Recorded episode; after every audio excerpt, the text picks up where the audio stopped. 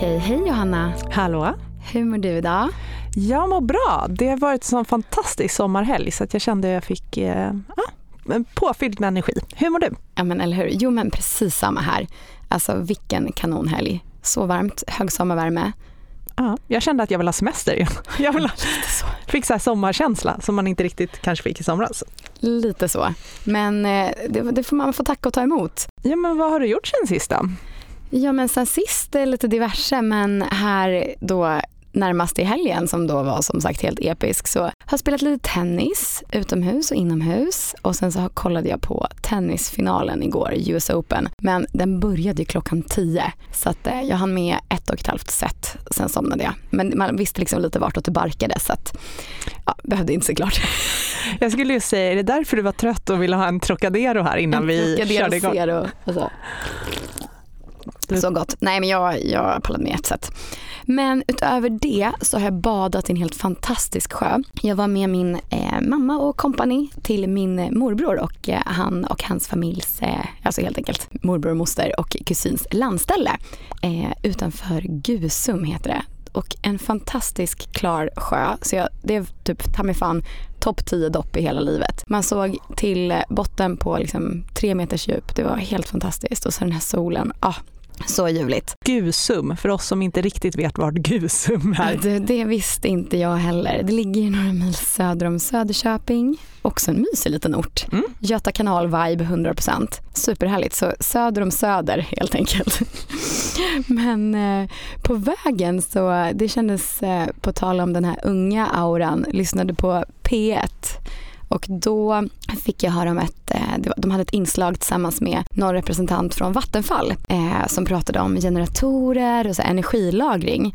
Och eh, det är ju fan helt unikt egentligen det vi har i Sverige. Det tror jag vi har pratat om förut med våra vattendrag. Jag vet att min pappa som ingenjör har snackat om det här att ifall vi hade typ moderniserat alla våra generatorer och så typ på 70-talet så hade vi typ kunnat försörja i princip hela Sverige med el. Men i vilket fall, de har satt igång en förstudie om att då ta i bruk igen ett kraftverk som var vårt största mellan 79 och 96. Och det här ligger mellan sjöarna Storjuktan och Storuman eh, i övre delen av Umeälven.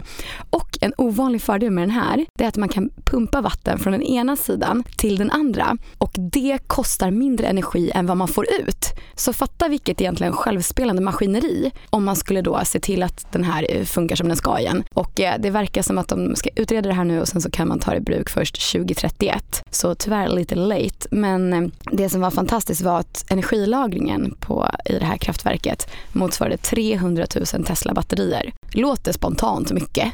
Ja, ja. Det, det gör det absolut. ja men alltså wow, du förstår ändå de här med vattendragen. Till och med jag som inte är ingenjör förstår att är inputen mindre än outputen, där har vi något bra. Eller evighetsmaskin. Ja, ja. så heja heja. Men nog om mig, eh, mer om dig. Vad har du gjort i helgen? Nej men vad har jag gjort i helgen? Jag har eh, också badat, hängt, eh, åkt ut till mina föräldrars sommarställe, skulle hjälpa till och eh, ta upp båten. Men när jag kom ut så hade de redan och var de klara? Jag åkte iväg för att ja. ta upp den med min, min morbror så att det blev mer bara hänga och ja, jag tror att... Åh nej, ja, typiskt. typiskt eh, bada, bli lite ompysslad av mami och sådär. Eh, så det var mysigt. Hängt lite i stallet faktiskt. Ja, så. Ja, otroligt otippat, eller hur? Verkligen. Tog en liten, liten tur i Åkeshov där vi bor och så började prata, det finns ett stall där, började prata med, med en äldre man som eh, försökte värva Julia eh, till att bli liksom hästtjej. Och jag kände ah. aj, aj, aj, väldigt dyrt och eh, jag är rädd för hästar. Men, ja, verkligen. Dyraste, läbbigaste sporten there is. Precis, men hon fick gå in och kolla på hästarna i alla fall. Blev otroligt glad. Och så har jag grillat lite, grillkullat. Ja, grillkulskan i farten. Ja, grillkulskan. Och Ja, men så har det en lugn helg med, um, sen har jag liksom legat på kvällarna och uh, kollat på riktiga tantprogram. Exempel, tack. Det är tydligen 50 år på tronen för vår kung idag. Okej. Var 50 år sedan han blev kung i Sverige eller svors in eller ja, vad det nu var. Um, eller om det var att hans farfar dog. Skitsamma. Jag tror att det ena ledde till det andra. Det ena ledde till det andra, men vilken dag som var dag då. Ja. Uh, och uh, då är det ju massa så här kungen 50 år på tronen, kungen och jag, alltså du vet dokumentärer mm. om kungafamiljen. Och jag har ju en liten tantådra i mig som är väldigt fascinerad av liksom svensk dam, damtidning nyheter. Nej, men, jag vet. jag har, here, here. Ja, here, here. Så att jag har, jag har, smyg. jag har plöjt de här. Jag har liksom via Plays, eh, SVTs, you name it, eh, kungafamiljen. Och jag tänkte faktiskt att jag ska ta med mig mitt nörderi till det här programmet. För det finns Oj. en liten ekonomisk twist på det här. Okej, bra att du sa det. Annars får vi liksom vara en liten så disclaimer. Alla som inte är royalister kan spola nu. Precis, och jag är nog republikan dessutom. Men jag har bara snöat in på det. Men det här kommer bli pure ekonomi. Men vi, vi tar det efter wow. ett litet nyhetssvep. Ja, vilken cliffhanger. Men du, innan nyhetssvep så pratade vi lite om att eh, det är faktiskt läge att påminna om vad det här med alfahonor betyder. Jag tror att det känns som att i våra ögon så är det lite subjektivt och så. Men när man tänker bara på, när vi startade podden så tänkte vi att det såklart var en liten gliring till alfahannar. Men också det här med alfa. Man söker överavkastning. Mm. Och då för att få överavkastning ska man vara smart, man ska vara eh, själv, ja, men, trygg, självsäker och eh, Nej, men försöka och... Ödmjuk. Bäst och ödmjuk. Bäst och ödmjuk. Eh, snygg, snäll, sexig, rik. Framgångsrik, ödmjuk. Nej men alltså lite så här. Nej men våga ta för sig. Som vi brukar säga det här med att everyone needs a confidence like a middle-aged white man. Ja, nu tar vi tillbaka det bara. Men jag tycker också vi ska påminna om det. Jag tycker det är så fint att vi har faktiskt hälften manliga lyssnare. Och det säger så mycket om den typen av män som lyssnar tycker jag. Har man ändå det i sig att man lyssnar på en podd som heter Alfahonor spekulerar. Det är fan en bra man. Då är man liksom in touch with your confident side. Det tycker jag är fint. Då är man en alfahanne. Ja. En bra mm. alfahanne. Precis. Men innan vi går vidare igen så lite gossip från branschen kanske. Och ja, vi har ju utlovat det i den här podden och det har blivit lite för lite av den varan. Det har det sannerligen blivit. Sen så undrar jag också om vi kanske inte överskattar lite hur mycket folk bryr sig om vad som händer i den här lilla klicken egentligen. I så fall, spola fram några minuter. Nej men för det första då, väldigt fin nyhet som slog oss förra veckan. Vi kommer få en ny VD i november som verkar vara otroligt bra och sympatisk. Ja, Stencool. Knut heter han. Knut heter han, kommer från Klarna där han har varit vice VD och eh, hängt i tio år och varit med på deras fantastiska tillväxtresa. Så det ska bli jättespännande att se mm. eh, Knut Frängsmyr eh, vad han ja, tar med sig till Avanza. Verkligen. Ja, det kanske inte var så mycket gossip det där då, men då en liten uppdatering. Men eh, utöver det så eh, måste vi bara kommentera på, innan sommaren så berättade vi att vi hade några av våra närmsta vänner och kollegor som sa upp sig alla samtidigt och skulle gå då till Carnegie. Och förra veckan så kom det ut en nyhet om vad de heter och lite vad de ska göra. Ja, de pratade mycket om, inte de, men nyhetsartikeln om att det skulle kanske vara en Avanza-dödare. Och där tycker jag vi måste bara vara så här, the world is big enough for both of us. Det där är ju toppen personer och vi vet ju att vi gör bra saker och ah, och man tänker ändå på hur mycket sparare det finns i Sverige så att vi behövs verkligen allihopa. Vi, vi vill samma sak, man vill demokratisera sparande, man vill underlätta och liksom bara lite förhärliga den här grejen det är med att spara. Absolut, och lite konkurrens är ju bra, det är, då är man ju ja. på tårna. Verkligen. Så man, man blir sitt eh, bästa jag. Ja men precis. Men och, det här med namnet. Ja, vi läste det och så skrev jag till dig, de Montrose, och så skickade jag en liten emoji. Ja, en liten rebus ja. som jag fattade. Jag var för trög. Nej men en liten måne och en bikini för jag tyckte det var, om det är norskt då skulle det kunna vara en liten måntrosa. Måntrosa. Ja. Jag tycker vi etablerar det namnet nu, måntrosa. Ja, man kan inte ohöra det. Nej. Nej, men eh, de är grymma och eh, det här kommer bli hur bra som helst. Lycka jag... till måntrosan! jag ser jättemycket fram emot att se vad, vad som händer där.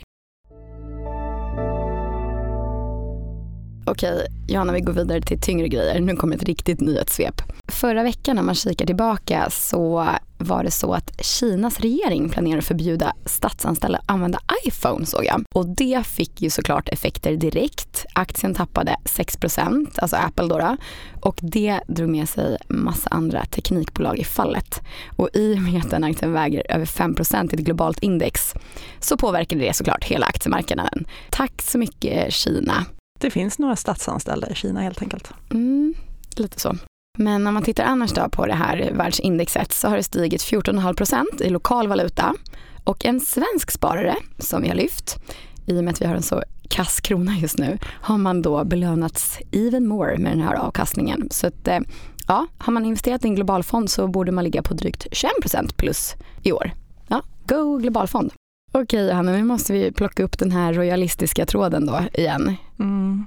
Det här som jag eh, gömmer djupt inom mig men som jag nu tydligen eh, pratar om här. Nej, men jag har ju snöat in helt på kungadokumentärer och eh, ja, det är väl kanske inte det, det krispigaste här i, i världen men, men så är det.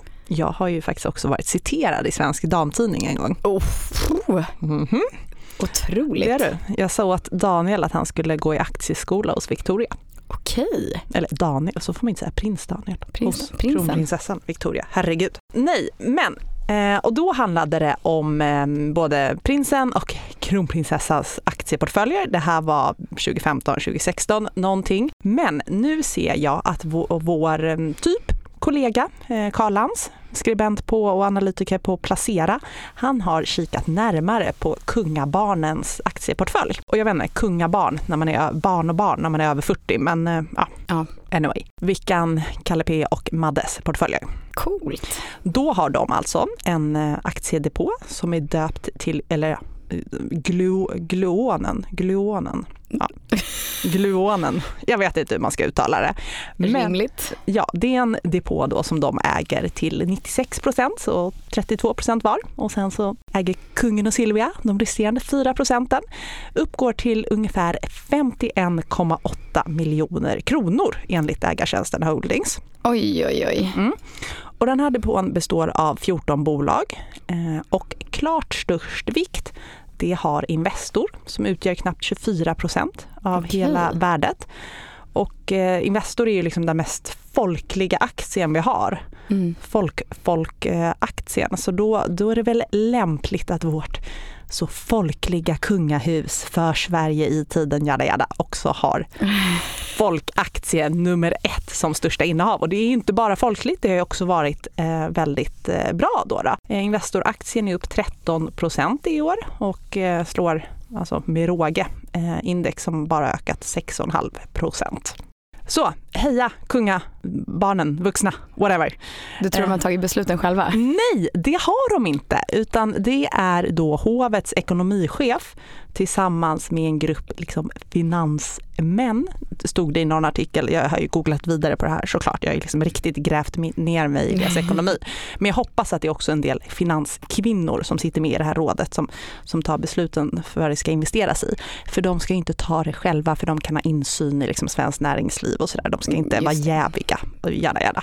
Så det är väl toppen att, att det finns några andra eh, som, som lägger upp den här portföljen. Då. Men eh, lär, lär, gärna av det här, för Investor är väl en bra basaktie i portföljen om man vill ha aktier. Och näst störst vikt då är deras 51 miljoners portfölj. Det är lastbilsjätten Volvo, också mm. liksom svensk nationalklenod. Eh, utgör knappt 13 procent av värdet på depån. Um, har ju rosat marknaden med fina utdelningar här senaste åren och fin kursutveckling så att det var väl också toppen. Sen har de tredje störst är Atlas Copco med 12,6 procent av värdet. Och lägg till att Atlas Copco utgör 16 procent av Investor så att det är liksom lite dubbelmacka där på, på eh, den verkstadsjätten. Och sen har de Sandvik på 12 procent och, och sen har de ytterligare investmentbolag i Bure och Latour. Men om man, och de här fem största innehaven då, då Investor, Volvo, Atlas, Sandvik och Bure tror jag, det utgör 70 procent av depåvärdet. Så det är liksom koncentrerat. Det är koncentrerat. Sen har de lite annat. Medicover, Almiak, Getinge, SCA, Cavotec, Bravida och CTEC. Men, men grunden ligger i de här stora, stabila, eh, lönsamma jättarna. Lite svensk liksom, svensk verkstads... Lite mer värdebolag än tillväxtbolag Lite va? mer värdebolag än tillväxtbolag men som har ångar på år efter år och mm. går med mm. fantastiska vinster har de gjort. Och det har ju varit en helt rätt strategi. De tappade säkert lite mot index när jättetillväxtåren där under corona när vi såg hur tillväxtbolagen sköt i höjden alla spelbolag och techbolag, eh, icke vinstgenererande mm. bolag ännu och som sen har åkt rätt ner i källan det senaste året när räntorna har stigit och så. Så gammal är ju ändå äldst ibland så att eh, det kan man ju lära av. Fan vad bra. Vi har, med, vi har mer kungliga nyheter såklart. Shoot! För det är inte för inte som jag är lite royalista. Det här är ju liksom då bara en portfölj som är kungabarnens. Sen så finns det en annan portfölj som kungafamiljen kontrollerar som går under namnet Gallier... Galerafonden, Galerafonden och det här, nu är det liksom anrikt och historiens vin, vingslag här. Det är en familjestiftelse som grundades 1837 oh. och, ursprunget kommer från en gåva från Napoleon, franska kejsaren, vars styvbarnbarn Josefin blev eh, drottning i Sverige när hon gifte sig med eh, Oscar den första som då är kungens liksom, farfars farfars farfar, någonting sånt. Eh, du kan din tronföljd du. Ja, ja, ja, det kan jag. Det är bara, du får testa mig sen. Men hon fick då av Napoleon fick hon full äganderätt till hertigdömet Galliera i dagens Italien, nära Bologna. Mm. Det hade man inte tackat nej till. Och eh, i ett gåvobrev så stod det att egendomen skulle ärvas med, eh, på den manliga sidan, den förstfödde manlig son då, bland hennes arvingar pengar. Eh, och sen sålde man de här fastigheterna, för det kanske var lite svårt som svensk kungafamilj att äga Hela, ja, en hel del i en Italien. Hel del i Italien. Så det såldes på 1830-talet eh, och så bildades det istället den här fonden som nu har blivit, det är lite oklart hur mycket, alltså vad värdet på det här är. Jag har sett lite olika siffror, men så 60 miljoner, sen såg jag någonstans att nej, det är mycket mer, så att vi får se. Men kungen har, det är kungen som, som liksom håller det här, men han har ändrat, så att, eller regeringen har ändrat. Ja, Vickan ska ärva det, inte, inte, man kunde göra om så att det inte blev liksom en manlig först, förstföda då rätt. Hur som helst, även där så är det Investor som är största innehavet med 17,8 procent. Folkliga ut i fingerspetsarna. Sen har de Industrivärden med 13 procent mm -hmm. och sen har de Handelsbanken med 8,5 procent av depån. Och här finns också SCB, Essity, Volvo, Sandvik, Alfa Laval, Skanska, Electrolux, Hexagon, Atlas Copco. Ja, så det är också de här liksom, trotjänarna inom svensk industri. Och, Riktigt stora bolag, ja. stora bjässar. Och jag vet inte vad man ska säga med det här men någonstans så, så de tänker förmodligen långsiktigt. Och det ska vi också göra. Och det är inte så snyggt om kungafamiljen själva skulle sitta och trada och hålla på. Nej, och så. inte heller kanske om de skulle äga supermycket bolag utomlands. Man måste ju stödja Sverige. Precis, de ska stödja, ja herregud, herregud, gör det. Så att, eh, men jag tänker att vi kan lära oss lite av det här. Ja, kanske inte av dem då, i och med att det inte är de som förvaltar utan av förvaltningen. Den strategin strategin. Det är så här, om man är intresserad av aktier, hoppa inte på alla liksom heta bollar utan ha någon slags grund i investmentbolag, stora stabila bolag som har liksom de är beprövat lönsamma. En gubbportfölj vinner ofta i längden. Och du kan få exakt eh, lika bra exponering med hjälp av fonder. Det är ju ännu enklare. Verkligen. Billig globalfond, billig Sverigefond och sen lite aktivt förvaltade. Och, Eller... liten passus där. Om man tar globalfond istället, om man nu inte bara ska stödja Sverige, då får vi ju dollarexponeringen. Precis, och det, har det ju... får de inte. Nej, det får de inte, bara indirekt. Och tredje lärdomen då, överlåt förvaltningen åt din förvaltare. Ja. Men, fondförvaltare kanske? Ja, fondförvaltare kanske. Det är ju inte jättemånga av oss som har resurser av att liksom avlöna en extern förvaltare och eh, skita i rådgivarna. Den personliga bankmannen eller personliga rådgivaren, det brukar ju inte vara liksom ja, det är inget jag blir så imponerad av. Jag tycker att det ofta kan skälpa mer än det hjälper. Men poängen med det är att liksom förvalta det själv, men bort med pengar om du ska ha aktier, men bort med dina egna fingrar från syltburken. Var inte där och försök vara för aktiv. Ofta är det bättre att ha lite, lite sittfläsk så att säga. Jag kan bara gå till mig själv. Vilken av de portföljerna på mitt Avanza-konto är det som går bäst? Jo, men det är, ju, det är ju kapitalförsäkringen som jag har där jag sparar till Julia. Det, ja. gör någonting. Jag får in ja. halva barnbidraget varje månad. Eller pensionssparet kanske för ja, den delen. Precis. Men jag, jag ja, så här, där bara låter det vara, låter det löpa på. Ja, inte in och pilla. Nej, försöka vara smart. För det är man ju inte, det bara inse.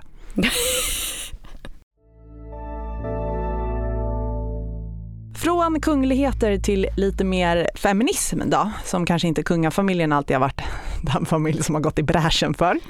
Nej, inte, inte superfeministiskt.